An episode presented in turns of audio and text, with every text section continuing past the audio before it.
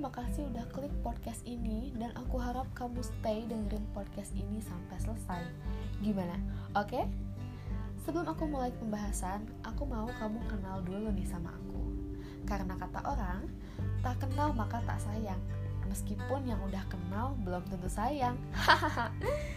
Oke, nama aku Sarah Anissa, dipanggilnya Sarah aja.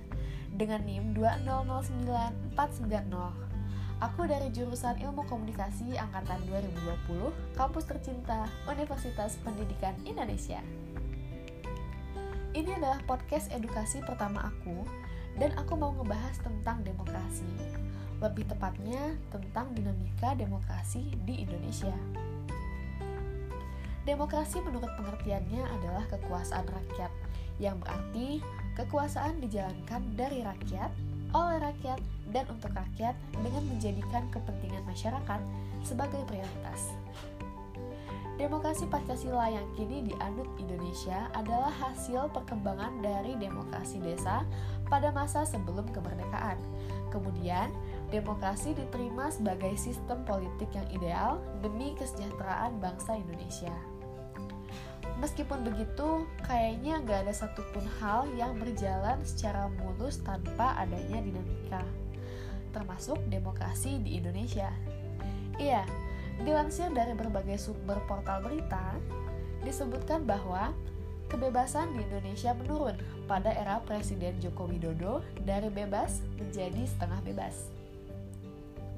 Freedom House menjelaskan bahwa kemunduran ini disebabkan oleh adanya multitafsir UU ITE, maraknya kasus korupsi, disertai melemahnya lembaga anti korupsi di Indonesia, kekerasan dan intimidasi kepada sejumlah gerakan masyarakat, penangkapan aktivis dan demonstran, serta kebebasan pers yang menjadi rentan akibat sikap anti oposisi dan intervensi sejumlah pemilik media.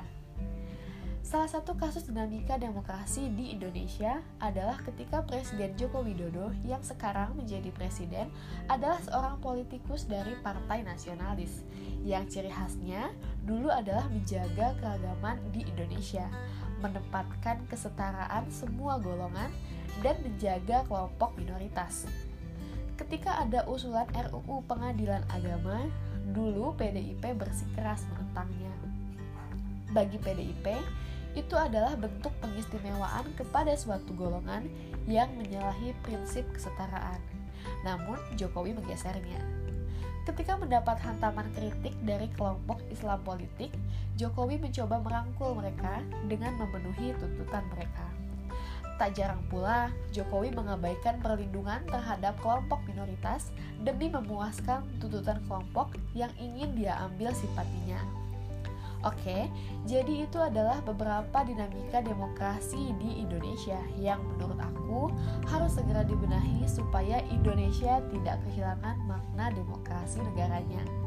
Pembenahan itu tentunya membutuhkan kerjasama seluruh warga negara Indonesia, termasuk kita, mahasiswa.